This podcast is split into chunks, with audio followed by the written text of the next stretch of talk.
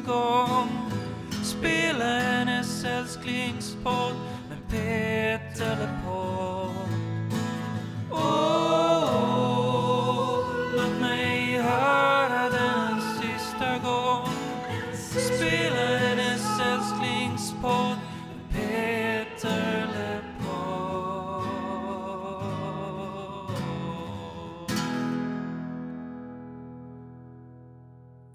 Välkommen hem. Och välkommen tillbaka till Petelepodd, podcasten som går igenom Petelemarks diskografi när vi inte gör nedslag och intervjuer i ämnen och med personer som har att göra med Petelemark. Jag heter Tony Savela och mitt emot mig sitter återfallsförbrytaren Johan Per Emil Gustafsson Ryderup. Du gick ut med hela namnet den här gången. Mm. Vill polisen ta mig? Kom. Vet du vad jag heter i mellannamn? Eh, Ja, man heter du eh, Dimitrius. Elvis Adrian. Jaha. Jaha. Elvis efter Elvis? Eller, eller efter någon någon finsk eh, farbror? Nej, efter Elvis. Alltså den, den mer kända artisten. Jag är kluven till att döpa husdjur och barn efter sina så här hjältar och sådär. Men jag ville ju döpa min katt om jag hade fått chansen att döpa henne då. Hon hade rätt namn. Då hade jag döpt henne till Shandy efter Kiss-låten. Ja. Men ja, tyvärr hade hon rätt namn och då fick hon ha kvar det. Emil, jag ska börja med en anekdot. Mm. Direkt efter gymnasiet jobbade jag på turistradion i Kalix. Och då hittade jag i det stökiga arkivet av CD-skivor en dubblett av EPn Landet vi föddes i av Thomas Andersson Vi. Och jag snodde med det överflödiga exemplet hem och den här EPn tror jag redan då hade några år på nacken eh, Men jag lyssnade väldigt mycket på den då eh, Den innehöll även eh, en demoversion av låten Du skulle tagit det fel och efter den sommaren, jag tror det var 2005, så har jag följt Thomas Andersson Vis skivkarriär med stort intresse. Och det jag inte visste då när jag snodde med mig den här EPn var ju att eh, Thomas det året hade gått in i studion med eh, Peter Mark som producent på några låtar. Ja, precis. Och det här med att stjäla med sig skivor från olika radiostationer man arbetar på det är också någonting som jag har gemensamt med dagens gäst. Vi blev väldigt glada när Thomas Andersson Vi ville vara med i vår podd och prata om hans relation till Peter Lemark. Thomas har ju haft det väldigt fullt upp i år, får man ändå säga, trots den här pandemin. Mm. Eh, Han har ju tyvärr fått ställa in sin, sin, eller skjuta upp sin turné här som han skulle genomgått. Men han har i alla fall släppt albumet Högre än händerna når som har fått väldigt bra kritik.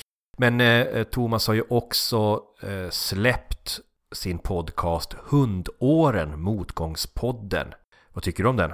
Den är trevlig. Jag har ly- lyssnat på ett handfull avsnitt. Eh, Peter Lemark är väl som våra lyssnare känner till med i två avsnitt.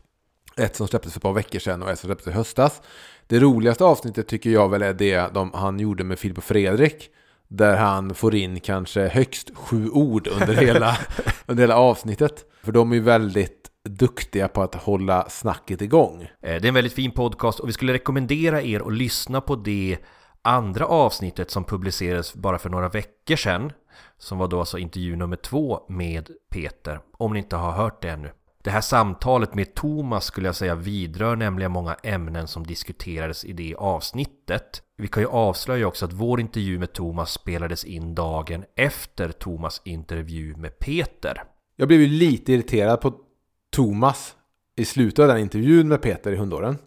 Trots att Thomas är så oerhört eh, eh, sympatisk. För där eh, pratar Peter lite sådär om att som artist är jag i Lingonligan nu och det är ingen idé att släppa någon skiva. Och han drar, eh, säger en sak där som då är en sak jag fick tårar i ögonen av. Jaså? Um, för i förra avsnittet så nämnde jag att jag hade tre saker under den här poddens eh, tid som vi haft tillsammans Tony, där jag fått tårar i ögonen. Det var när Peter Lemark pratar om vägen och pratar om att det är David Urvis favoritlåt när de ska köra en live ihop 2013. Det är när jag såg eh, öppningslåten från Peters senaste sista konsert på Skeppsholmen mellan mån mitt fönster när han kommer ut där och ställer sig vid micken och man ser att det finns en liten, liten glimt av rädsla. Men den tredje grejen som fick mig att gråta lite, det är när Peter pratar med Thomas då om i slutet av den här eh, hundåren-podden om att när han dammsuger hemma så händer det att det kommer en textrad eller det kan komma en halv låt till honom. Men han låter bara det bero. Han skriver inte ner någonting för han är inte låtskrivare längre. Och då försöker Thomas Andersson vi vara lite så här, men som artist, vi är ju ändå låtskrivare, inte rätt kall ändå när man känner att man ändå måste. Och Peter säger, nej det där har jag släppt. Jag tycker ju att Thomas där bara sagt, skulle sagt så här, Peter, om två veckor kommer jag tillbaka hit till den här soffan i Sankt Petersburg som du döpt det här rummet till. Och då ska du ha tio låtar skrivna. Och då har Peter sagt, va? Nej, det tänker jag inte. Peter, nu kniper du. Två veckor, jag är tillbaka här, då ska du ha tio låtar. Du behöver inte göra någonting med dem, men du ska ha tio låtar skrivna. Och då ska vi lyssna på dem här tillsammans. Och sen ser vi hur vi går vidare med det. Det tycker jag han borde ha sagt. Men samtidigt kan inte han, du vet det är svårt här i stunden. Alla kan inte liksom... Alla är väl kanske inte lika socialt handikappade som du är. Det är ett sätt att uttrycka det. Ja. Men hur som helst, eh, hundåren, lyssna på de två poddavsnitten som han har gjort med Peter Lemark såklart, om ni inte har gjort det. Och, men först ska ni givetvis lyssna på den här intervjun eh, ska med Thomas. ja, det är ingen, ni ska inte pausa nu Nej. och sätta på istället Thomas Andersson Vis podd. För det här är ändå den primära podden i den här Peter Lemark-sfären som finns. För det här är, tycker jag också, en, en väldigt fin intervju. Eh, så att inte nog med att Thomas ställde upp, han tog också med sig några riktiga dunderanekdoter eh, och fina eh, insikter. Ja, vi vänder på ett par stenar och får fram ny information och täcker, liksom, fortsätter täcka den här bilden av Peter Lemark. Ska vi ta och lyssna på vår intervju? Det tycker jag vi kan göra, Tony.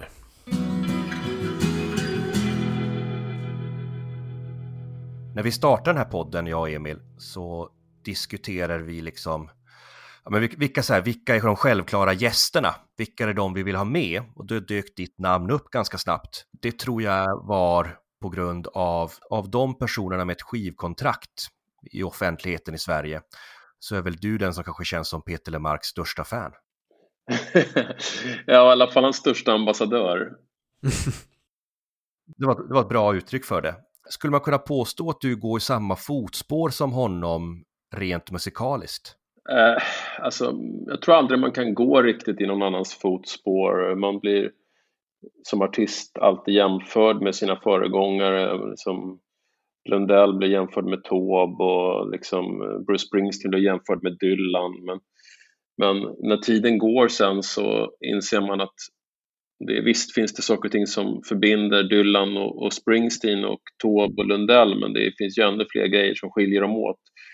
Eh, men definitivt så finns det ju likheter mellan oss och en... Eh, det, det, det tycker jag. Men han, han, han inspirerade mig väldigt mycket som ung låtskrivare och eh, av de skivor som kom på slutet på 80-talet och början på 90-talet så tycker jag hans skivor är några av de som har åldrats bäst. Och jag blev väldigt imponerad av det när jag, när jag gjorde den här programserien i SVT, Thomas Andersson vi spelar med. Att då, då var jag tvungen att sätta mig in i så många låtkataloger och lära mig andra artisters låtar. Det som slog mig då var, med Peters låtar var ju att de är så de är otroligt enkla, de är ju skrivna med ganska få ackord och så. Men, men ändå kan du liksom väcka mig fyra på natten och jag kan sjunga de här låtarna. De är så melodiösa, så tydliga. Det är, det är en otrolig, otrolig kvalitet i hans låtskriveri. Den här, den här tydligheten och, och helt enkelt melodikänslan. Vad ska man säga? Är det någonting du själv kan inspireras av, den tydligheten? Ja, men det tycker jag. Jag tror att, att om man tar jämförelsen med Ulf Lundell till exempel så tror jag att han är mer en textförfattare som tonsätter sina texter. Eh, Medan Peter och jag jobbar ju mycket mer med att anpassa, att, börja, att man börjar med en melodi och sen så liksom gör man en text som, som eh, underordnar sig melodin och svänget i låten. Och det är nästan lite förvånande med tanke på hur pass... Alltså hur, hur stor plats texterna tar i er musik. Ja, eller hur stor plats texterna tar i berättandet om vår musik. Alltså det är ju en... Jag, jag sa det till min unge producent Axel som aldrig har gjort någon skiva så där, som har recenserats liksom, i alla stora tidningar förut, förrän han gjorde den här. jag varnade honom och sa så här, ha inte för höga förväntningar om att de kommer skriva om produktionen, hur fantastisk den är, liksom, hur mycket vi än har jobbat med den. För att mm. de skriver alltid bara om mina texter. Och, och, nu blev det tack och lov inte så, utan det var många som faktiskt skrev om hur det lät och, och om formen på skivan. Och jag, jag har alltid jobbat väldigt hårt med mina produktioner. Jag vet att Lemark också är en person som har jobbat tills producenterna fått näsblod. Och, eh, och det, det är liksom inget slarv med det utan man är det, man ser, alltså jag tror att både han och jag ser att det liksom inte finns någon konflikt mellan innehåll och form utan att, att de hänger ihop och att eh, alla stora mästerverk i, i historien kännetecknas av en balans mellan form och innehåll. Alltså hur, hur djupt havet än är så har det en yta. Ja, men, eh, och så, så tror jag kanske att vi också gillar pop helt enkelt. Eh, det finns ett citat av eh, Frank Zappa att musikjournalister är misslyckade musiker.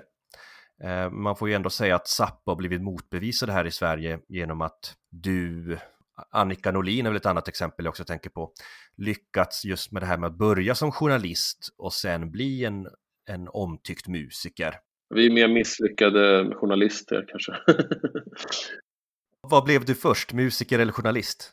Ja, musiker definitivt. Jag började skriva låtar när jag var åtta år gammal och eh, började sjunga dem väldigt tidigt. Mina föräldrar var med i en baptistkyrka på Södermalm där jag kunde sjunga hur ofta jag ville inför en fullsatt knäpptyst kyrka med ett stort vackert, vacker efterklang i. Så jag började sjunga där när jag var sju och det var min första scen. Liksom. Och journalistiken var ett, ett, ett jag behövde försörja mig. Jag flyttade hemifrån när jag var 17 och jag behövde försörja mig liksom för att kunna betala min lägenhet och mina pizzor. Så att jag, jag ehm, kontaktade Svenska Dagbladet i något slags ungdomligt övermod och frågade om inte jag borde börja skriva för dem. Och så blev det så till slut att jag gjorde, började göra det och eh, det blev en karriär men det fanns ingen plan bakom det. Jag hade liksom ingen dröm om att bli journalist eller så utan min dröm var från början att göra musik och det var också där jag hade min självbild. Liksom. Att just ge sig in på journalism, kom det från ett intresse av musiken?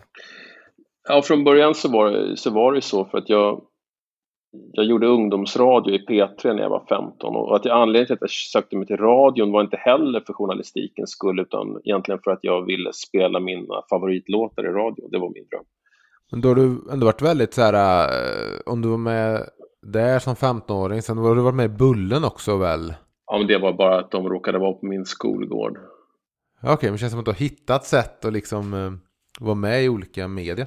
Det beror väl delvis på att jag var liksom framåt och ganska modig och så, men, men också att journalistiken hade en form av högkonjunktur där precis i början av 90-talet. Det var en guldålder på det sättet att inte bara att jag fick skriva om Lars Norén i Nöjesguiden, jag fick skriva 40 000 tecken, alltså vilket är 10 sidor. Eh, och det får man inte idag och eh, dessutom fick jag betalt och sådär anständigt. Jag, jag, jag, tyckte att det var skitkul att intervjua och göra reportage och, och, och, och, så, men det var inte min dröm. Liksom, utan min dröm var hela tiden musiken. Det där låg jag ju lite, eh, jag, jag låg ju lågt med det ehm, inför mina journalistkollegor, så det var inte så många som visste om att jag skrev låtar. Och, och, och sen så blev jag rockkritiker på Svenska Dagbladet och det här var ju på en tid när det liksom i princip var coolare att vara rockkritiker än att vara rockstjärna. Alltså här när tidningen Pop startas och, och så rockkritiken har en hög status och man, jag blev väldigt fort väldigt etablerad och kände väl lite hur paniken växte i mig att gud, jag kan inte bli jag kan inte bli mer etablerad nu för då kommer det bli för jobbigt att byta sida. Men det lyckades du ändå göra. Jag tänker när man har skrivit om rockjournalistik och andra artister att eh, det ligger en viss pressen på när man ska börja släppa sina första grejer. Ja, men alltså det var väldigt svårt för mig att få skivkontrakt. Jag kämpade i flera år och det var många som sa att Thomas kommer inte få skivkontrakt för han har varit journalist. Så det var en annan tid. Det var liksom vattentäta skott fortfarande mellan journalistiken och musiken, vilket ju givetvis beror på att, att det fanns pengar fortfarande i, i de här branscherna. Man kunde försörja sig genom att vara bara journalist, bara musiker, eh, bara tv-producent.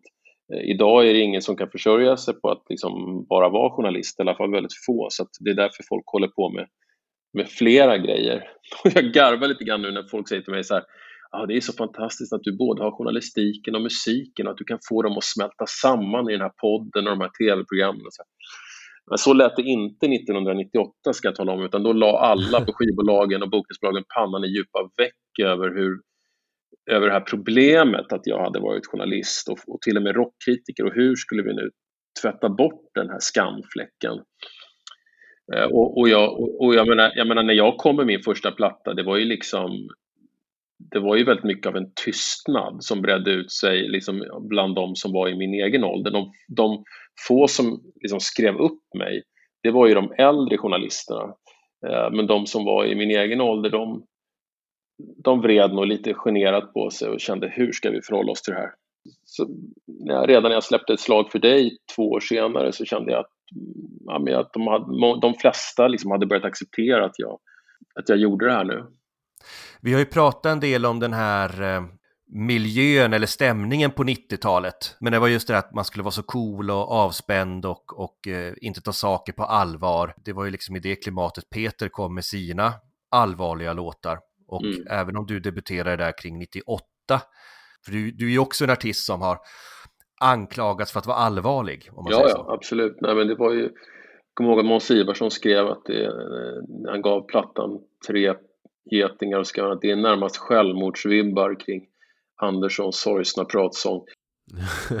På något konstigt sätt så ansågs det vara ett problem med allvar där på 90-talet. Jag tror inte det var det hos publiken. Liksom. Jag menar, jag menar, här, här, det här har jag och Lemark pratat en del om, för vi, vi har ju ganska liknande erfarenheter, att det känslosamma och det allvarliga i musiken provocerade vissa journalister på den här tiden. Och man satte liksom likhetstecken mellan allvar och, och pretensioner. Uh, och, uh, så att, så att var, man, var man en allvarligt syftande artist så var man en pretentiös artist. Och, uh, det, det, är ett jävligt repressivt klimat. Det var inte så, det var inte så himla kul. Jag, tyckte att det liksom, jag tycker att det är mycket högre tak nu. Om vi går in på din relation med Peter. Vad är, vad är dina första minnen av Peter Lemarks musik? Det är att han kommer till eh, kyrkan som mina föräldrar är med, medlemmar i och det fanns ett musikcafé där som hette Bläcktornet. En gång i månaden så, så kom det liksom kristna band dit och spelade och eh, Lemark hade på den här tiden ett par kompmusiker som han alltid spelade med, Torbjörn Hedberg och eh, Sven Lindvall som kom från kyrkvärlden och som hade kontakter in på Bläcktornet och de sa att vi, vi har en kille här från Gröndal som, som, eh, som är lite på gång nu. Han har en låt som spelas på radio. Jag hade hört den här låten, det var Vägen låter oss längta som jag, som jag var väldigt eh, tagen av. Eh, vad kan jag ha varit här nu, 87, jag var väl typ 14-15 bast. Och han kommer en kväll till Ebenezerkyrkan och spelar fem, sex låtar från den vita plattan. Och um, det, är egentligen bara, det är egentligen bara Vägen låter oss längta som jag verkligen älskar. Mitt starkaste minne från den kvällen är att han kliver upp, det var så här, ett rum utan en scen med eh, fikabord. Man satt liksom på golvet, på samma golv som bandet stod och spelade på. Och så satt ju, det var ju drogfritt då förstås eftersom det var i kyrkan. Ja. Så folk satt då med sina kristna glassar och eh, sina juicer och jordnötter. Och, och eh, det var en ganska beskedlig stämning, även om det, kunde, det var alltid fullpackat med folk. Liksom, så ungt, en ung publik. Liksom. Men jag minns att, att um, jag minns att i den här låten, det, är bara början på en lång historia, som den här fina låten från Vita plattan, så, så kliver Peter Mark upp med sina motorcykelboots på ett av de här prydligt dukade fikaborden och så skjuter han fram höften och juckar och, och, och, och, skriker mellan dina lår förstår jag att det här är bara början på en lång historia. Och det var ju krismöte i kyrkan efteråt och, och vad får man sjunga, vad får man säga och det här var ju inte alls lämpligt och så. Det fattade inte Peter Fransson från Trollhättan att att han hade skitit i det blå skåpet här. Men det där gjorde intryck på mig, även om jag, men jag satt också och kände också så här lite, jag var kluven till honom, jag tyckte han var lite too much, alltså det var väldigt stora gester. Det var ju liksom inga singer-songwriters i Sverige som hade de här James Brown-påserna på den tiden, utan det, alla, alla singer-songwriters, Plura, Lundell, men det, de hade ju liksom ett mer återhållet kroppsspråk. Va? Eh, Peter Lemark sparade inte på krutet. Han var ju så här, han var så desperat i, sitt, i sin liksom önskan om att slå igenom och eh, att bli älskad. Och det visar väl ändå också på någon konstnärlig integritet att här står jag i en kyrka men jag tänker fan jucka ändå. Ja, jo, det kan man verkligen säga. Sen så, mitt andra minne är att jag hör att han ska spela i Kungsträdgården. Och det här ger ju en ganska bra bild av var han var någonstans. Han har alltså släppt den här vita plattan, men han spelar fortfarande med en trio mitt på dagen i, ett, i Kungsträdgården inför en skral publik. Han har liksom inte han har liksom fortfarande inte blivit en stor artist. Nej. Eh, och jag, jag åker, det här är ju på den tiden när man liksom kunde gå en mil bara för att höra en låt. Det fanns ingen Spotify och jag hade inte råd att köpa skivan och så. Så jag åkte in från Fruängen till, till Kungsträdgården bara för att få höra den här låten, Vägen låter oss längta. Och eh, han spelar den och sen så får han en ros av konferensen och så packar han ihop sin gitarr och går upp mot Vasagatan och T-centralen och jag springer i kapp honom och säger ursäkta, jag vill bara tacka för ett bra gig. Åh, tack, säger Peter och så går han vidare. Det är vårt första möte. Från att du ser honom där eh, i kyrkan eh, och du älskar vägen så fanns han på din radar eller försvann, mm. han, försvann han bort tillfälligt under tonåren när du kanske hittade andra band? Eller Nej, nej, han var, han var extremt närvarande. Jag skaffade de där plattorna dag ett när de kom. Sen kom ju, vill jag minnas att Närmare gränsen kom efter vägen, va? eller efter den vita plattan. Ja, den kom 88 sen. Han släppte ju en skiva varje år eh, och eh, jag älskade Närmare gränsen. Jag, jag kommer ihåg, då gjorde jag ju ungdomsradio på, på P3, ett program som heter Tvärnit och den, eh, den skivan kom upp till redaktionerna. De fick ju alla skivor och jag snodde den skivan, kommer jag ihåg, från redaktionen.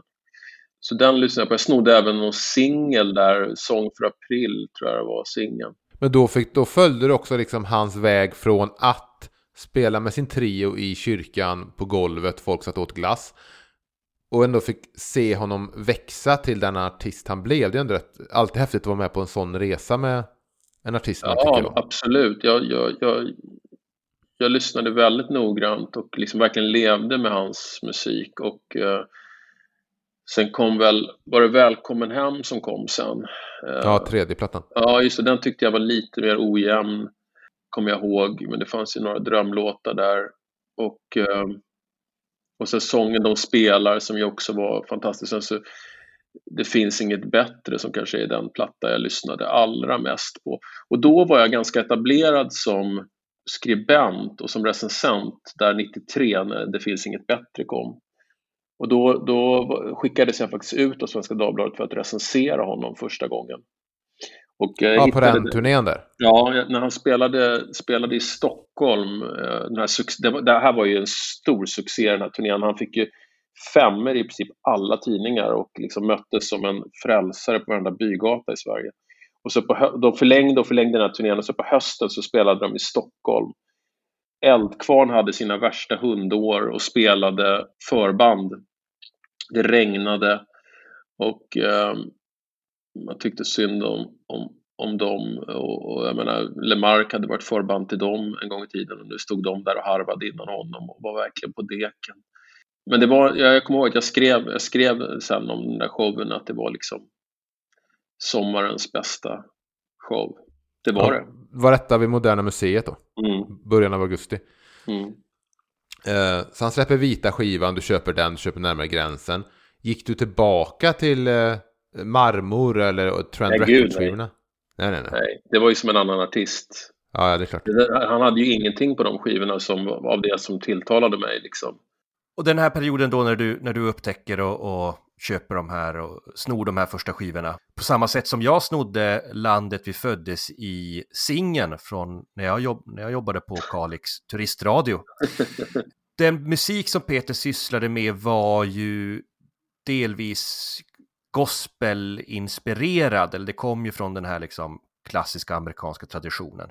Mm. Var det någonting du, du kunde värma dig till med tanke på ditt kyrkliga ursprung? Ja, men kanske. Jag har inte tänkt på det. Men det var ju väldigt unikt eh, att, att inspireras av gospel på den här tiden. Den enda som egentligen hade gjort det så där som, jag, som fanns på min radar, det var ju Bob Dylan. Och jag hade lyssnat mycket på hans kristna skivor. Och det, ja, men det kan verkligen vara så att det fanns någon form av gospelinnerlighet i eh, uh, Lemark som jag kunde tappa in på. Mm. Om uh, första mötet var där, där du sprang ikapp honom och du tyvärr inte kanske hade en ros att lämna över. När du sen intervjuade, för du intervjuade honom för Nöjesguiden sen. Mm. 95. Hur kände du då när du skulle gå från att vara det här fanet till att liksom möta en yrkes, någon sorts yrkesverksam roll? Jag ringde honom från Nöjesguidens, jag hade ett frilans, en frilansplats uppe på Nöjesguiden och då, det här var på den tiden då Nöjesguiden verkligen var liksom den största nöjestidningen i Sverige och ett slags epicentrum för all bra nöjesjournalistik. Liksom Gradvall satt fortfarande på redaktionen, Kroneman var chef, Eh, Lars Nylin var där. Alltså det var många, många liksom tunga namn och, det, och, och, vi gjorde en tjock tidning varje månad och som, som tog slut direkt i princip. Eh, så Nöjesguiden var lite ett begrepp och var väl kanske liksom lite av en sån här tidning som Peter Lemark hade anledning att frukta. Mm. För att han, eh, han hade blivit liksom häcklad där ett par gånger. Sen när jag ringer från Nöjesguiden och säger hej, jag heter Thomas, jag skulle vilja intervjua dig nu när du släpper den här nya skivan, Bok med blanka sidor. Då ställde han till med ett korsförhör först för att han, han, hans första tanke var nu ska de göra narr av mig igen.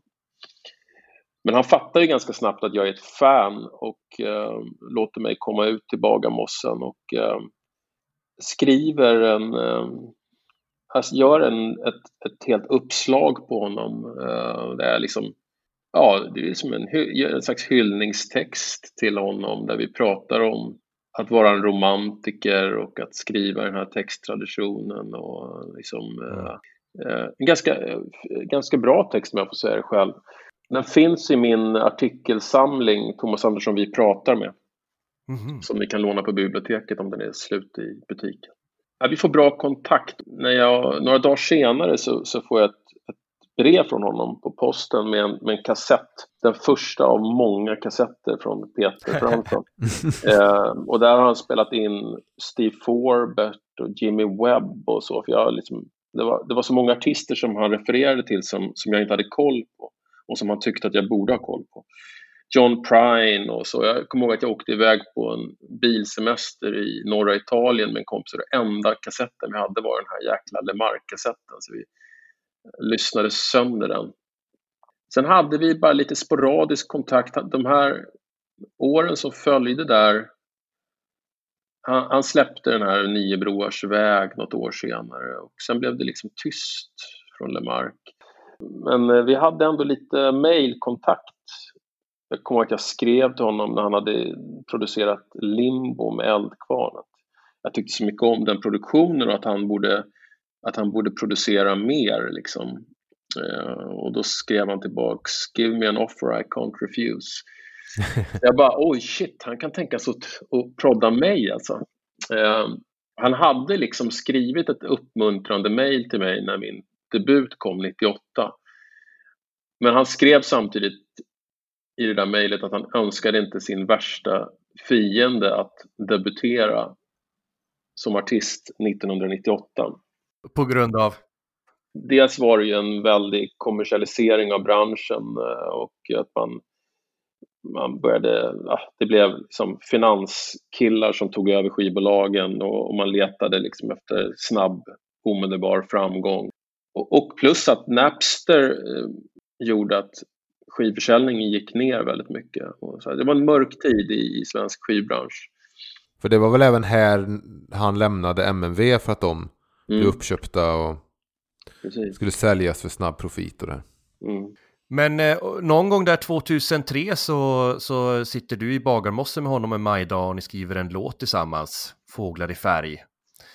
Ja, det börjar egentligen med att jag plockar upp den här handsken som jag upplever att han kastade mig efter det där Eldkvarn-mejlet och eh, när jag ska göra skivan som heter Stjärnorna i oss 2004 kom den och innehöll blues från Sverige bland annat. Då, då mejlar jag honom och frågar om han vill producera den här skivan. Och då skriver han att ehm, jag har inte tid, jag håller på med en egen platta, den ska jag hålla på och göra orkester, liksom stora orkesterarrangemang och akustiska versioner av gamla låtar och sådär. Men, men jag kan gärna vara backseat producer, sitta i baksätet, producent, lyssna på demos, lyssna på tagningar, komma med synpunkter. Och det tackade jag ju förstås inte nej till, så jag åkte ut till Bagarmossen en sommardag där och, och um, ringde på dörren med ja, en kassett helt enkelt med mina demos. Egentligen bara så här gitarr och piano-demos. Då har det ju gått, då har det gått sju, åtta år sedan jag såg honom IRL. Och han har varit ganska off the grid liksom under många år och, och mest gått hemma i villan och han har jobbat med sina fobier och liksom sina rädslor. Och, ja, men det känns lite grann som att han eh, har suttit inlåst i några år och att världen har förändrats utanför. Vi börjar liksom ses mer intensivt och jag, jag tar på mig att liksom dra ut honom ur den där jävla villan. Jag tar in honom till stan, vi går på fester, vi går på lunchrestauranger, vi, vi, vi super ihop, vi, vi sitter i min lokal och dricker upp en flaska Jack Daniels och gör låtordningen till hans eh, skiva, den här 17 sånger. Och eh, jag ser liksom den här galna sidan hos honom, liksom den här livsglädjen som finns i honom och den här cirkus, liksom eh, hunden som han också är. Ja. eh, på fester ute på stan och, och liksom jag, och jag introducerar honom för lite unga musiker. Han är väldigt vänlig mot mig. Jag är ganska punk och han köper så här, brukar köpa skivor till mig. Det kan komma liksom en påse med fem CD-skivor och sådär och skjutsar mig i sin bil och bjuder mig på lunch och sådär. Så det växer fram någon form av liksom vänskap. Eh, Han kommer med bra synpunkter. Han kommer med en del dåliga synpunkter också. Han var ju bland annat inne på att Tommy och hans mamma skulle bli mer kommersiell om jag döpte Tommy till, tog ett tjejnamn istället. Eh, och det kände jag direkt att vilken jävla dålig idé. Eh, och nu när jag, påminner, hon- när jag påminner honom om det nu så vill han inte kännas vid det. det är väl bra om man kan sålla i alla fall. Ja, Det är väl spännande det där när liksom man övergår, när du övergår från att vara liksom ett fan till att det blir en, en vänskap som, som växer fram. Men eh, sitter man och tänker där när man, när man sitter och utbyter låtidéer eller, eller super med Peter Lemark att fan, det är ju Peter Lemark som sitter där framför mig, killen som du, du vet har suttit på pojkrummet och ja, lyssnat på fördärvelse. Jag har ett minne av att jag, för att jag hade ett otroligt tryck i urinröret på den här tiden, alltså jag bara sprutade ur låtar. Och eh, Lemark inte lika hårt tryck. Och jag kommer ihåg att jag, jag, ring, jag ringde honom ibland och spelade upp låtar eh, i telefonen. Alltså jag kunde, du vet, jag kunde sitta så här på, i en buss, på, jag turnerade ju mycket också på den här tiden, så jag, jag, jag kunde sitta i någon buss du vet, på väg över Västgötaslätten och, och skriva mellan stora mellansvenska städer och så började, ringde jag honom och läste upp texten och sådär och bara, ja men det är bra, fortsätt. Och så kommer jag ihåg att jag ringde en gång och skrev, så hade jag skrivit en, den här låten En hel värld inom mig som var kanske den första låten som jag skrev till plattan Thomas Andersson Vi som han delvis producerade. Den som kom Mm. efter Stjärnorna i oss. Och då kommer jag ihåg att att när jag hade spelat upp- klart låten så tog jag luren och så var det tyst några sekunder och så, så sa han så här Din jävel, sa han. Jag blir så jävla avundsjuk. Jag sitter och skriver liksom de här låtarna och jag får inte ur med någonting. Liksom. Och då kunde jag känna en sån värme för honom men också en sån otrolig stolthet över att liksom att shit, min idol blev precis lite så här avundsjuk på mig. det, var, det var stort. Ja, men det, det, är lite det här äh, Star Wars-grejen, The Apprentice has become the master. Eller vad Darth Vader säger i, i Dödsstjärnan där när han ska slåss med Obi-Wan. Ja, för mig är Lemark fortfarande the master, men, men det, det, var, det var fint att få, få bli hans, ja men känna, känna sig lite som hans jämlika i alla fall. Men då vad hände ja. med Fåglar i färg? För den dök väl inte upp på någon platta eller någonting? För det är ju en jäkligt fin låt. Jag var ju ofta ute hos honom. Vi träffades ju oftast hemma hos honom. Han har ju en avdelning i sitt hem som han kallar för Petersburg och som, som är som en utbyggnad från villan där man kan spela helt, hur högt som helst utan att störa någon annan i familjen och sådär, eller några grannar. Så vi hängde mycket där och lyssnade på musik och eh, så har han, då har han ett, ett kontor och så har han ett litet spelrum med en synt och så. Och där vi började liksom bläddra i hans idéperm. Jag vet inte, det var nog hans idé att ska vi inte skriva någonting ihop? Liksom? Ja, men det kan vi göra. Så började vi bläddra i bland så titlar. Och då sa han till mig, kan du inte bara ta en titel här som du tycker som du tycker verkar intressant? Och så, så hittade jag den där Fåglar i färg, stod det. Och jag vet inte vad han menade med det, mm, men jag fick någon form av idé av det, vad det skulle kunna bli. Och sen så skrev vi den där låten väldigt fort. Uh, som jag minns det så tog det bara någon timma och uh, sen gjorde vi en demo på den och sen glömde vi bort den. Då sitter ni med varsin gitarr och liksom bara rabblar idéer. Ja, men det var väldigt lätt. Alltså, vi har ganska likt melodispråk, han och jag. Alltså, vi, har ganska, vi har nog ganska lätt att hitta fram till, uh, till någonting som båda känner att man gillar.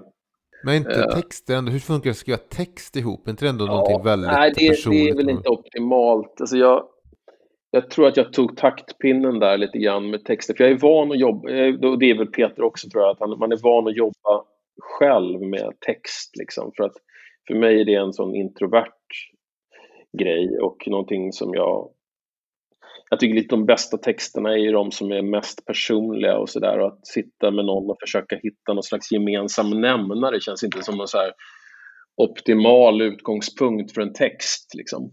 Så, så att, eh, men det gick väldigt fort alltså. Det... Samtidigt så tänker du har ju någon egenskap där, du har ju skrivit många låtar till andra. Det har ju Peter med. Ja, det har ju Peter med också. Och eh, jag menar, lyssnar man på en rockstjärnas död, för den skrev du väl till Totta, Mm, en svensk rockstjärnas. Ja. En svensk rockstjärnas död, ursäkta mig. Mm. Alltså det är svårt att greppa när man hör den att det inte är Totta Näslund som har skrivit den. Och Peter som säger har ju också skrivit för många andra. Har man inte någon egenskap att man kan, vad ska man säga, sätta sig i någon annans skor? Jo, det är det som är lite roligt med att skriva till andra, att man eh, får leva sig in i, okej, okay, nu ska jag skrivit åt ganska excentriska figurer. Jag har skrivit åt Freddy Wadling, Totta, jag har skrivit åt Tommy Körberg. Och då kan man tänka sig, ja men Freddy, han kan faktiskt sjunga Jag är monstret som styr dina tankar. Det skulle jag ju aldrig skriva till mig själv, men han kan sjunga det. Men i det här fallet så, så skrev vi ju en låt bara utan att ha någon idé om vad det skulle leda till, om det skulle bli en P om Peter skulle spela in den eller om jag skulle spela in den eller om vi skulle ge bort den till någon eller någonting. Nu blev det ingenting liksom, utan jag vet, vi bara, vi bara tyckte att ja, men den här låten är väl tre plus. Eh, nu gör vi något annat, typ. Lyssna på Steve Forbert. Jag tror jag har nämnt den här låten i den här podden faktiskt, men eh, du har skrivit en av mina favoritjullåtar som är Dan före Dan. På Tommy Körbergs julskiva där som kom Ja, ja kul. Kul att du gillar den. Det är inte, ja. Så, så, och det är en låt om ett Brott, men ändå så är det en jullåt. Har du någon idé om vad du utgick från där bara? Att skriva liksom en, en jullåt som inte är så um, ja, stöpt i den vanliga formen, eller vad man säger. Ja, men det var väl ungefär det som var tanken, att jag ville inte skriva en sockersöt jullåt utan en, en, en, en låt som handlar just om att separera precis kring jul och eh, men också att jag ville göra en, en, separationslåt som hade någon form av livsglädje i sig, alltså en känsla av att gud vad skönt att det här förhållandet äntligen är slut. Eh, och liksom den där dubbla känslan av sorg och liksom nyfikenhet på livet. Ja, och att vara munter som fan. Ja, Fri at last. Och sen kom eh, Peter in i studion för, eh, för den självbetitlade skivan. Och hjälpte till att producera några låtar va? Ja men precis, det var så han träffade Johan Lindström som han sen gjorde Kärleken i tystnadens tid med. Ja, det var egentligen så att jag skulle jobba med Johan Lindström och vi, vi eh, började liksom vi började bråka halvvägs in i projektet och han bara sa jag, jag hoppar av det här. Och där stod jag med liksom en studio bokad och med musiker bokade. Och var ju helt i upplösningstillstånd och då ringer jag Peter och sa snälla kan du hjälpa mig, kan du, kan du, kan du komma och producera? Och så han kom liksom ut med en dags varsel så kom han ner till studion och producerade ja, Oroshjärta, Jag fick aldrig dig, några av de där låtarna som är, de här lite mer poppiga låtarna på den skivan. Har du något minne från när han var där att han hade med sig sin egen lunchlåda till studion? Nej, det hade jag inte, men han, jag har ett minne av att han blev hungrig och att han skickade upp någon och handlade någon slags stor kycklingbaguette till honom. Han, han, han är väldigt eh, intensiv i studion och sådär. Det ska gå fort allting och, och han pekar med hela handen och, och pratar väldigt högt och sådär. Vilket kan vara lite stressande och, och eh, Jesper Nordenström som spelade piano, han blev till slut, fick till slut nog och sa att nu får du fan ta och lugna ner dig, sa han till Peter. Och då satte han sig ner som en så här lydig korgosse i soffan och så satt han och käkade. Han lyckades väl vara tyst ungefär under den tiden det tog att käka den där kycklingbaguetten. Sen var han uppe igen och liksom stressade på. Att liksom, tagning, tagning! Och du vet, ja. folk sprang liksom i studion för att micka upp saker och ting. Och det var, alltså det var, han gillar att jobba så. Jag gillar ju ett långsammare, mer eftertänksamt sätt att jobba på. Så att, eh, Eh, men... Eh, du kände att det inte blev, blev någon fortsättning? Där? Det pass, passar inte. Ja, men, nej, men precis. Jag kände att vi kanske inte ska jobba i studio ihop. Men, men jag tyckte att, att han fick till några av låtarna väldigt fint. Jag tycker framförallt att, han, att eh, Jag fick aldrig dig blev väldigt härlig. Uh, jag, jag kommer ihåg att det var någon kompis till mig som sa att nej men här tycker jag faktiskt Lemark har gått över gränsen. Det, låter, det här låter mer Lemark än det låter Thomas Andersson Vi. Men eh, jag tyckte, tyckte inte det gjorde någonting. Nej, för just den eh, Jag fick aldrig dig är väl också sen en av låtarna som ni skulle spela ihop när han besöker ditt tv-program. Thomas Andersson spelar med. Ja. Och ihop då även med den låten du har nämnt, Tommy och hans mamma. Det är väl de två låtarna som ni spelar som du har som skrivit? Som är mina låtar, ja. ja. För om vi, om, vi, om, det, om vi ser det här som en brygga att gå över till att prata om det programmet lite. Ja. I Thomas Andersson spelar, spelar med så bjud, har du bjudit in artister och så spelar ni deras låtar och spelar ni några av, av dina inför en publik. Vart kom den idén ifrån?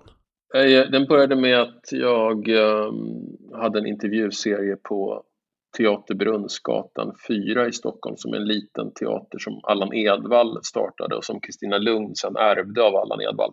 Och Kristina Lugn lät sin dotter Martina Montelius och hennes kompis Linda Skugge ta över den för sådär tio år sedan.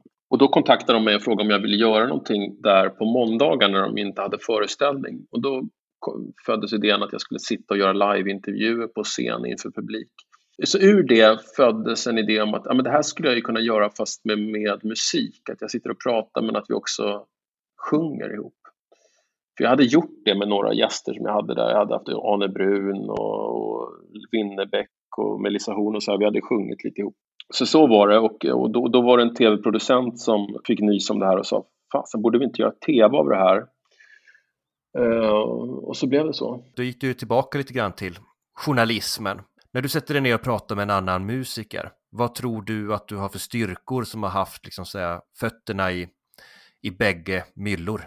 Framförallt att de inte ser mig som journalist. De ser mig som en kollega.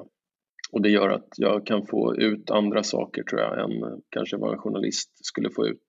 De är lite mer off guard med mig tror jag. Eh, och de vet att jag också har suttit och käkat liksom lunch på den här usla vägkrogen vid eh, Gränna och eh, nött E4 och liksom bott på hotell Gävle. Det skapar ju en, en, en gemenskap. Det är i säsong två där som Peter Lemark dyker upp. det känns ju som att då Peter Lemark borde vara, var väl en självklar person att höra, höra av sig till, gissar jag. Mm, ja, absolut. Det var, det var det verkligen. Och, uh, ja. Men jag fick, ju, jag fick ju tjata länge innan han sa ja. var det så att du redan frågade eh, inför säsong ett? Jag minns inte. Det, skulle, det gjorde jag nog förmodligen. Ja. Anledningen till att han sa ja till slut var nog att han skulle släppa den här skivan Den tunna tråden och mm. eh, att han insåg att det här skulle vara en, ett bra sätt att marknadsföra den skivan på. Men hur funkar då diskussionen, kanske främst med Peter men också kanske allmänt, om vilka låtar man ska spela, både då deras men även dina? För att Peter säger, jag tror det är Värvet han säger det att jag vill inte egentligen köra Drivved och lite Willie John för jag hade ju redan spelat dem i Niklas Strömstedt program några år tidigare men Thomas tvingade mig i princip. ja, ja men Drivved var så här, jag sa till honom att det här är liksom en av mina absolut favorit, absoluta favoritlåtar med dig. Liksom. Och, och jag gjorde ganska så mycket så i, den, i, den, i det programmet att jag föreslog ett antal sånger. Och de, och de flesta köpte det. Liksom. Och jag upplevde att LeMarc också gjorde det. Jag vill gärna köra Tidvatten som är en liten sån här doldis. Eh, jag vill gärna köra en akustisk version av Mellan dig och mig och jag vill ju förstås köra Vägen eftersom att det var den stora låten för mig.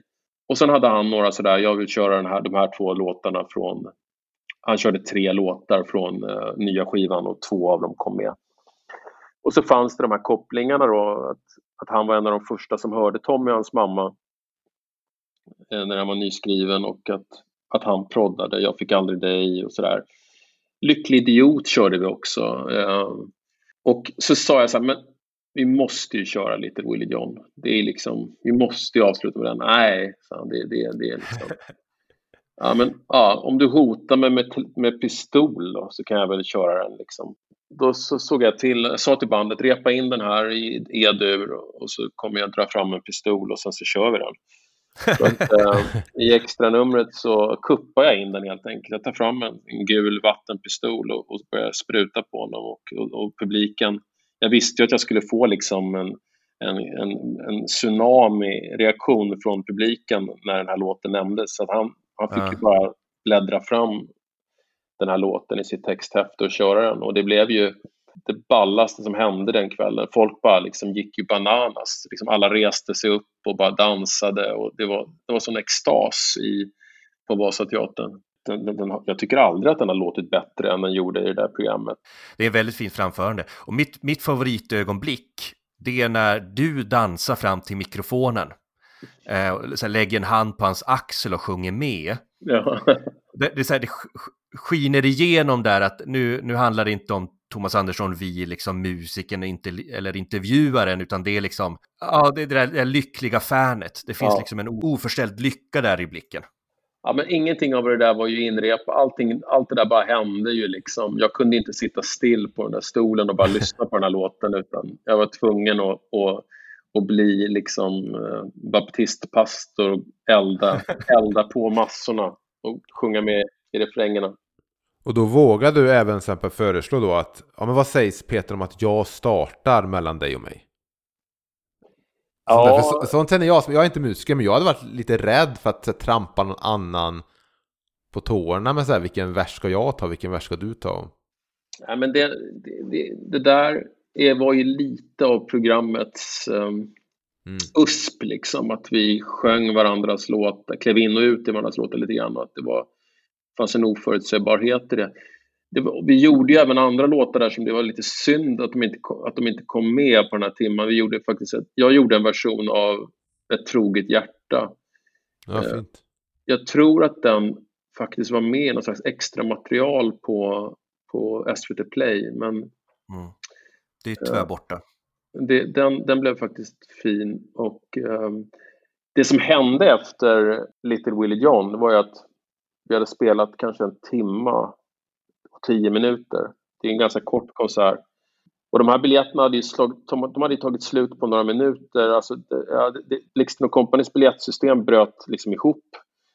Peter skriver på sin hemsida jag svarar inte på några frågor om det här, ni får kontakta Blixten Company. Så de hade alltså folk som ringde 24-7 i en vecka upp till Blixten och kompani. Till slut så sa de så ni måste säga någonting till fansen, vi, vi klarar inte att ta emot alla de här samtalen. Men så de där personerna som hade fått de här biljetterna de här första minuterna när de släpptes, de var ju de, de hade dels betalat ganska mycket pengar och sen så hade de, var de ju fruktansvärt taggade då för att här kommer LeMarc upp på en scen. Han har ju officiellt lagt av. Det här är som ett extra nummer i hans karriär på något sätt. Så att när vi går av efter Little Will John så applåderar publiken och de ger sig inte. Du vet, de tänder lamporna, de sätter på musiken. Det hörs inte i högtalarna att musiken är på. Och skriptan för, för tv-programmet kommer ut och säger vad ska vi, ni måste gå in och göra någonting. Vi, vi får inte bort folk. Liksom. De vägrar ge sig. Och LeMarc är bara iskall. Han bara, nej men vi kan inte toppa det här. Liksom. Nu är det slut. Liksom. Så går vi ut och ställer oss bak, på baksidan i en varm sommarkväll och liksom vi typ tar en cigg och, och, dricker lite vatten och bara pustar ut. Och så hör vi bara liksom genom dörrarna att folk bara står kvar. Så någon gång efter 20-25 minuter så slutar folk applådera och går hem. Peters sista spelning är ju egentligen inte på Skeppsholmen utan det är ju hos, hos dig, med dig. Ja, så är det ju, men han, han själv säger att det där var ingen spelning, det var ett tv-program. Men det vet vi ju båda två, det är klart det var en spelning. Ja, för jag noterar att du kallar det konsert, men han säger ju det också i värvet, säger han nu, jag citerar nästan nu. Det var ingen konsert. Thomas Andersson, vi hade ett tv-program och jag var gäst. Ja, Men min fråga är, menar, det är en betalande publik. Ja. Gick en del av de pengarna till artisten? Vi, vi tjänade ju inga pengar på själva tv-programmet för att eh, SVT betalade så, så lite. Dels hade han ju tagit dit Sveriges i särklass dyraste band. Så var, vi hade ju omkostnader och sen så det som blev över gick ju till mig och Peter och till ja, bokningsbolag och sådär. Han har spelat inför en, be en betalande publik. Jag vill säga att rent juridiskt mm. så var ju den där sista valsen på Skeppsholmen, det där löftet om att inte spela mer är ju egentligen redan bryte, brutet. Och har man varit otrogen en gång så är det väldigt lätt att hamna, hamna in i att vara det igen. Både han och jag har ju fått erbjudanden om att vara otrogna igen efter det här. Vi, vi blev erbjudna en miljon för att göra om det här i en, i en stad i Sverige och, eh, ta, och Lemark tackade nej. Och jag vet att han har blivit erbjuden ännu större belopp än så för att göra gig och, och han, han säger att nej, det är slut nu. Men då, en intressant fråga då om det här är också då att, för jag, jag minns ju när den här den eh, tunna tråden släpps och så, men jag minns inte riktigt om han var med i så här God kväll och God morgon Sverige och sånt, men eftersom han spelade ett par av de låtarna hos dig så undrar jag om det är den enda gången som de här låtarna då spelades live. Ja, det är det förmodligen. Så det också, och då är det ju ännu tråkigare kan jag tycka att SVT plockat bort programmet och att det inte går att se längre. Några låtar ligger upplagda på YouTube men det är ju lite Willie John och det är ju Mellan dig och mig och vägen. Min ambition är ju att, för jag tror att äganderätten för det här programmet har gått tillbaka till mig nu. De, de hade bara tre visningar på den och de har gjort alla de tre repriserna. Så att planen är väl att det ska liksom, att det ska läggas ut. Skulle då hela konserten få vara med? Även de låtarna som inte dök upp på ett troget hjärta till exempel och så. Ja, det är ju en idé. Um, jag ska kika på det. Det vore kul. Nu på sistone så har du ju sysslat med, med hundåren, eh, Motgångspodden. Vad, hur kom det sig att du ville göra det här projektet?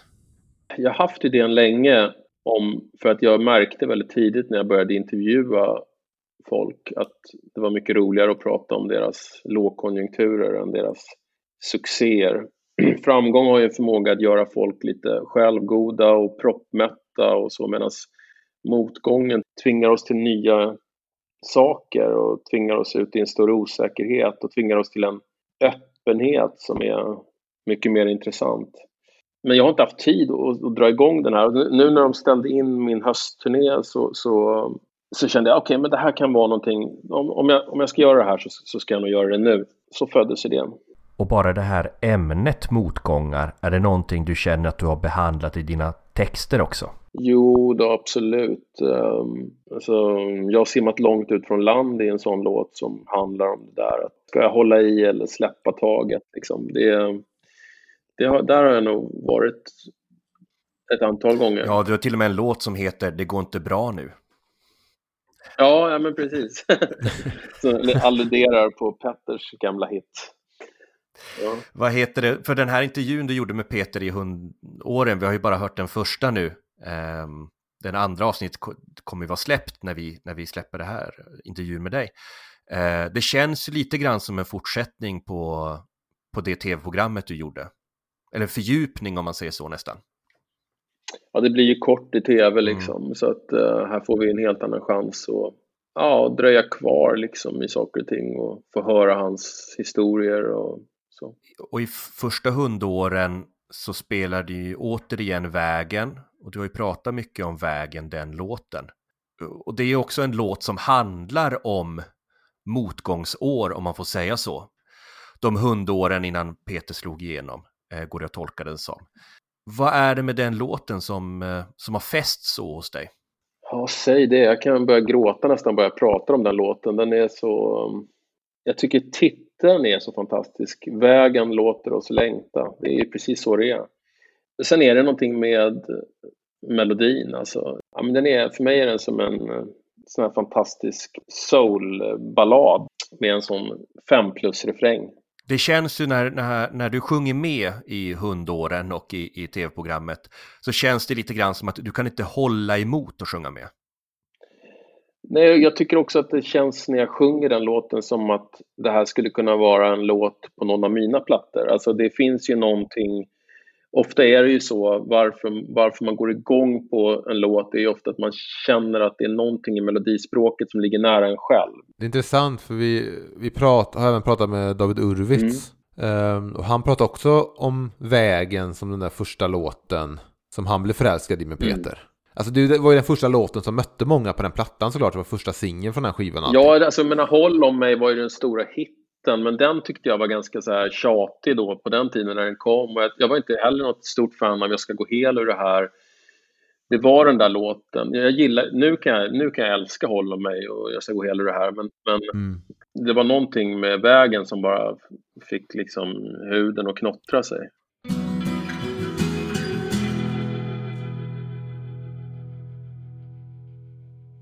Gud, jag kommer, nu, nu, nu kommer jag ihåg eh, en, under mina hundår där, vad kan det ha varit, 2001 eller 2002 någonting, så brukade jag ibland spela på ett ställe som jag tror hette Magasinet i Umeå.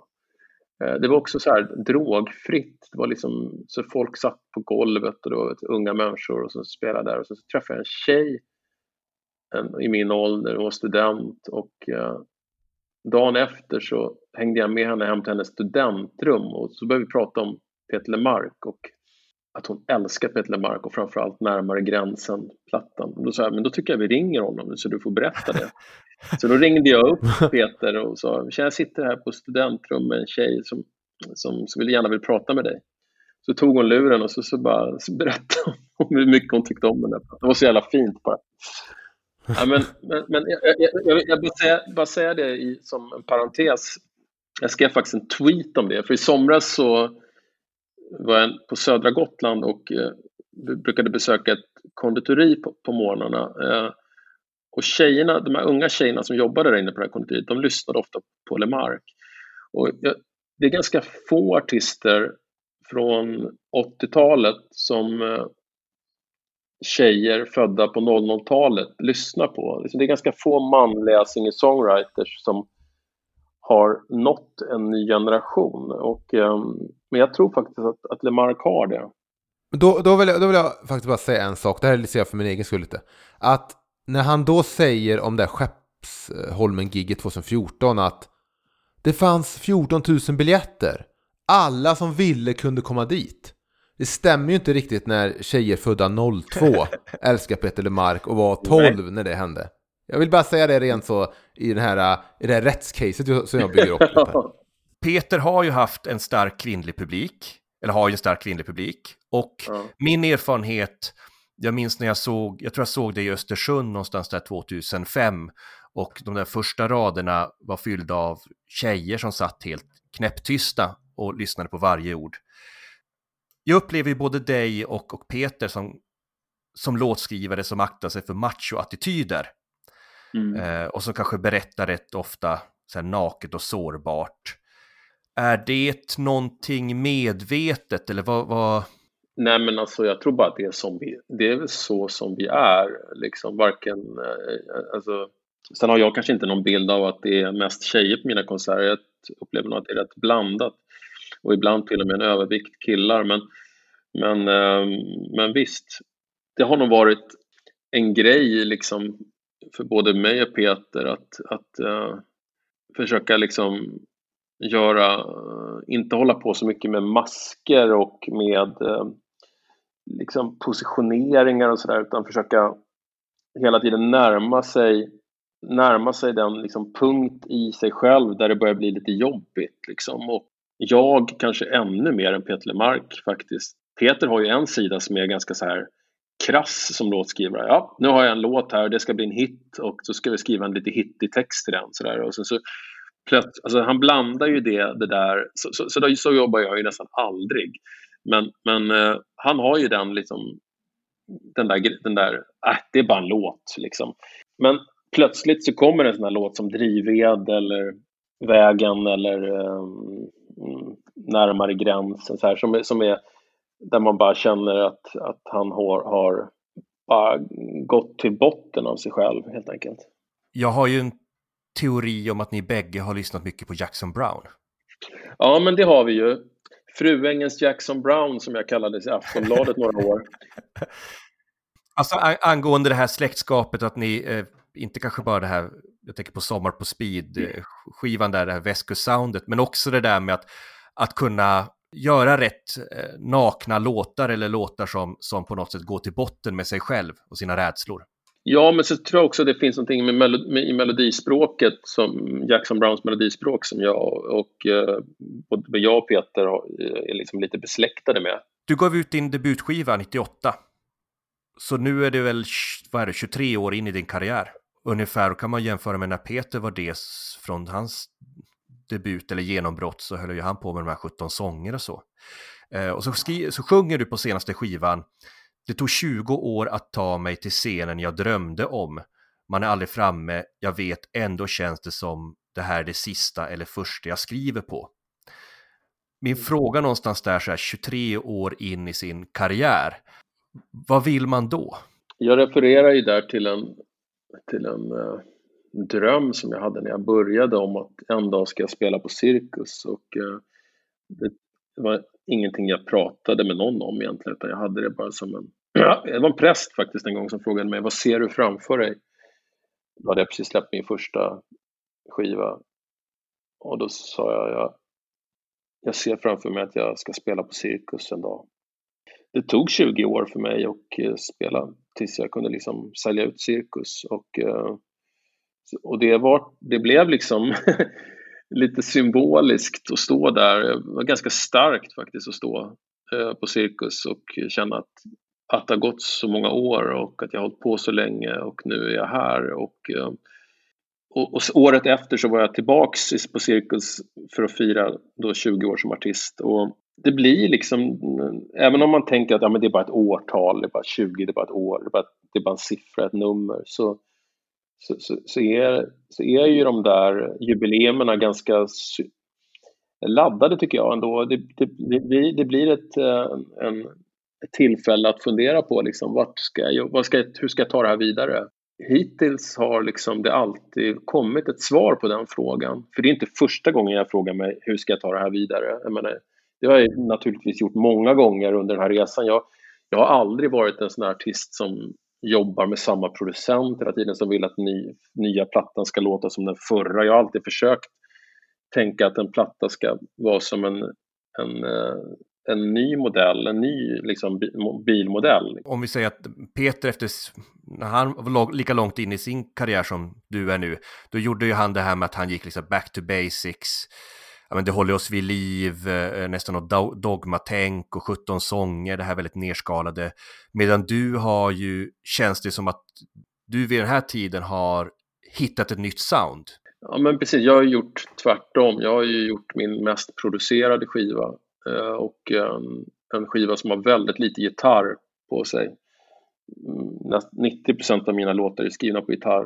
På den här skivan har jag nästan allt skrivit på piano och det här är också en, en, en likhet mellan mig och Lemark, att vi, vi, vi har en slags eh, kärlek till R&B liksom någonstans i grund och botten och jag, jag kanske har lyssnat lite mer på modern R&B än vad han har.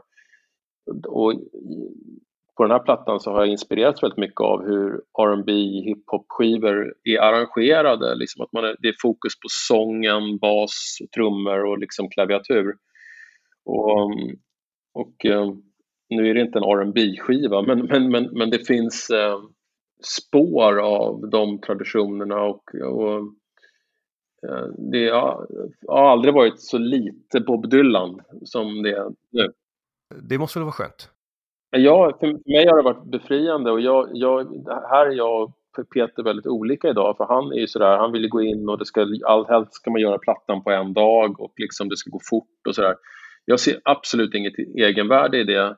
Jag har gjort sådana skivor också men dels är jag nog mycket mer av en perfektionist än vad han är men för mig har det varit fantastiskt att med den här nya tekniken som finns nu som är billig och tillgänglig att att kunna få vara i musiken och söka sig fram till någonting, från, alltså söka sig fram till ett sound långsamt. Ehm, det har varit fantastiskt. Och om vi bara får fortsätta den här jämförelserna med liksom hur Peter var, för Peter tog det på skivor innan han hittade sin röst, får man ju minst sagt säga. Och jag gick tillbaka och lyssnade på din, din första skiva, Ebenezer. Och även mm. om, om den låter annorlunda på sätt och vis från det som kom efteråt så slås jag ändå av att det känns som att du redan från början på den skivan hade hittat din röst. Ja, men så är det nog. Alltså, jag, jag hade kanske inte hittat mitt sätt att skriva texter riktigt på. Det finns små mm. embryon där, sjunger inga fler sånger om kärlek och varm sjö till, till någonting som jag fortsatte med sen. Men... Jag skulle hävda att Varm sjö till och med en viss del av soundet skulle kunna legat på senaste skivan. Ja, men det stämmer. Det stämmer. Du är faktiskt inte den enda som har sagt det. Det, det, det finns eh, små blyertsbågar mellan första skivan och den här senaste. Men det svänger mycket mer om den senaste skivan och det är liksom mycket bättre sång. Jag, jag, jag var ju framförallt, känner jag, liksom en outvecklad sångare det där har varit kul att prata med Peter om för att han, han tyckte inte att han hittade sin sångröst förrän ehm, 87 där och när han liksom tog ner tonarterna lite grann och sjöng lite lägre. Och jag vet att han var på mig redan 2003-2004 att han tyckte att jag skulle sänka mina tonarter. Jag ville inte det för jag tyckte liksom att då, blir, då låt, kommer jag låta, då blir det så här Winnerbäck, då blir det liksom det här lite mumliga, mask, övermaskulina som jag var så trött på. Eh, men nu, måste säga, på senaste plattan så har jag sänkt tonarterna. Jag vet inte om du tänkte, har tänkt på det när jag lyssnar, men det är liksom lite mer... Jag skrev en anteckning om att på bröllop i Berlin så låter det som Leonard Cohen när du, när du går ner i tonarterna och har en kvinnoröst där bakom. Ja, men, men eh, tack. Men är den, är, är den senaste skivan skrivet medvetet lite för att vara lite hittig? För Sträck ut dina armar känns ju verkligen som att ah, det här är en radiohit. Ja, men det var ju också en sån här låt som bara liksom ramlade över mig. Alltså, jag, jag höll på med den ganska länge för den var Först var det bara versen som jag tyckte var Jag hade en annan refräng från början och sen så satt jag och lekte med någon form av stick och så hittade jag den här refrängen eh, som jag kände, men gud, det här kan inte vara ett stick, det här måste ju vara refrängen och så kasserade jag den gamla refrängen och då kände jag att bara att eh, shit vilken låt. Eh, det här är bland det bästa jag skrivit på många år. Och ehm, det är ju en, eh, det är många som, eh, jag menar, för mig är det en låt som, på ett sätt är ju den väldigt så influerad av liksom Frank Ocean, Blood Orange och så här, någon slags indie R&B från här och nu men samtidigt så är det ju också mycket Mauro Scocco och Peter Lemark i den tycker jag. Ja, den fick ju min mamma att säga Jag önskar mig bara en sak av mina barn i år och det är Thomas Andersson Vis skiva, alltså julklapp. Så den, den har haft effekt. Ja, samtidigt så har du ju, för när man går tillbaka till exempel på Ebenezer och, och jämför och den resan du har gjort i den här nya skivan, så känns det som att du har rört dig ifrån ja men den här första skivan hade ju lite mer så klassisk svensk rock. Eh, jag menar, det finns en låt där Mm. Tusen sätt att försvinna, som var en låt som jag kände spontant så här, det här låter väldigt Peter Lemark. Ja, men det var ju något slags försök att göra så Fleetwood Mac, Roxy Music på svenska. Och gör man det, gör man Fleetwood Mac, Roxy Music på svenska, Ja. då blir det Peter Mark. För det var ju det han själv, det var ju det han själv försökte göra. Alltså när de gjorde liksom Det finns inget bättre och de här plattorna. Det var ju mycket liksom, har jag förstått, den där skivan med eh, Tell Me Lies, Tell Me Sweet Little Lies, den plattan. Tango in the 80-talsplattan med- night. Ja, Tango in the Night. Med.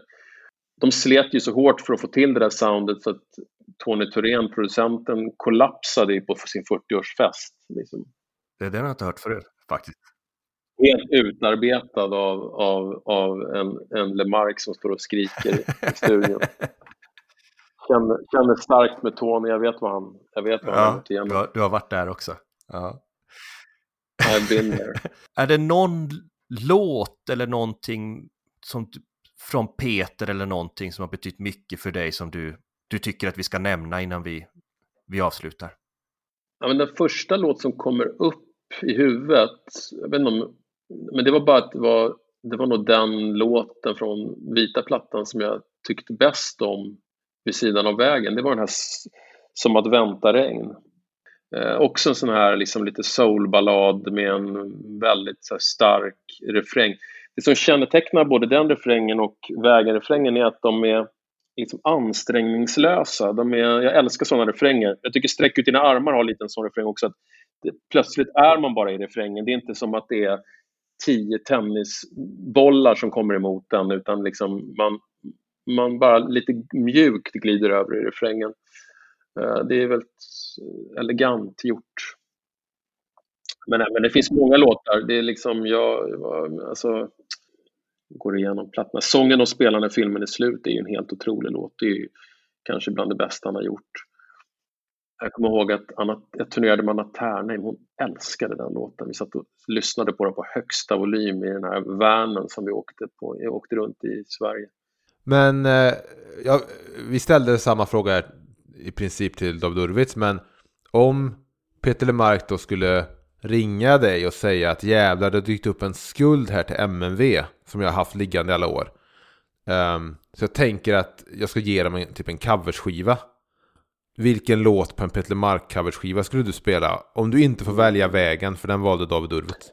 Alltså det, det finns ju några kanonlåtar eh, och nu tänker jag kanske, ja, men så här, både textmässigt och, och du och jag mot världen är en sån låt. Eh, den är fantastisk. Jag, skulle nog välja Mm. Fyra steg i det blå. Otrolig låt och ehm, eh, sån jävla sånt sväng och eh, visst det är liksom en skamlös stöld från This is not America men, men eh, nej jag köper det. Men för, föredrar du bok med blanka sidor-versionen eller den på 17 sånger? Nej, jag föredrar bok med blanka sidor. Jag gillar prodden där. Och om, om, du, om du fyller år, Peter och Mm. Mauro och ja, du vet, de andra gubbarna. Jag fyller faktiskt 50 eh, nästa år. Men om vi, säger, om vi säger så här i alla fall, att de spelar in en, en Thomas Andersson Tribute-skiva. Vilken, eh, vilken låt hade du velat höra Peter sjunga av dina? Om du får tillåta att fantisera. Han skulle ju göra Sträck ut dina armar väldigt bra och eh, Oroshjärta skulle han ju också göra väldigt bra. Ja, men någon av dem kanske. Jag har ju en, en teori om en låt som han skulle kunna göra om man skulle eh, kunna känna att det, det hade kunnat varit en Peter Lemark-låt. Eh, och det är ju vi är värda så mycket mer. Ja, men det, det... Jag kan höra honom sjunga den, absolut. Det finns en vers där som eh, du säger livet en enda kamp för värdighet, jag tror jag förstår. Ja, det, den, den är faktiskt klockren för honom. Vi skriker och fäktar förtvivlat framför domaren som om vi redan förlorat och vet det. Det är också väldigt Lemark, eh, liksom någon form av så här, ar- arbetarklass underdog-perspektiv som finns hos honom. Ja, vår klass är inte första klass. Där fick jag till det. Ja. Och med de orden så tackar vi Thomas Andersson. Vi. Mm, hoppas verkligen nu att Thomas Andersson vi möter inspelningen med Peter Lemark att han, nu när han får tillbaka rättigheterna, att han kan få ut den på något sätt och kanske i någon oklippt version med alla låtar. För jag skulle väldigt gärna få höra den tunna tråden-låtarna. Mm. Eh, som spelas, spelas tre stycken där. Det var kul att höra alla tre. Återigen stort tack till Thomas eh, och tack till dig som har lyssnat. Om man vill eh, kontakta oss på något sätt så undvik gärna att knacka på hemma hos oss. Det blir lätt lite jobbigt efter en stund. Så att då får ni jättegärna istället höra av er på sociala medier. Vilka är det Emil? Ja, vi finns väl främst på Instagram och Facebook men även på Twitter har jag hört. Där heter vi Petelepod. Man kan också mejla oss till petelepod.gmail.com Och Tony, vem är det som gjort vårt intro? Det är Kristoffer Hedberg från det fenomenala bandet Easy October. Precis. Och vilka är det man som lyssnar ska tipsa om den här podden? Alla sina vänner tycker jag. Är det någon som ni eh, vet tycker om Peter Lemark eller bara är allmänt musikintresserade eller tycker att exempelvis Thomas Andersson Vi är en av de mest intressanta artisterna vi har i Sverige 2021 så hör av er till dem. Ja, eller det, det där telefonsamtalet som var allt för länge sedan man gjorde till den personen. Ja men exakt. Hej, kommer du ihåg mig? Du, Vi jag, såg också en krogkö i Karlstad 2005. ja, jag har en podcast du borde lyssna på. Och lämna din, eh, din man och dina barn och kom hit. Ja, Martha. Och med det så tycker jag att vi kör vår vanliga avskedssignatur. Allt är bra nu. Gitarrsolo.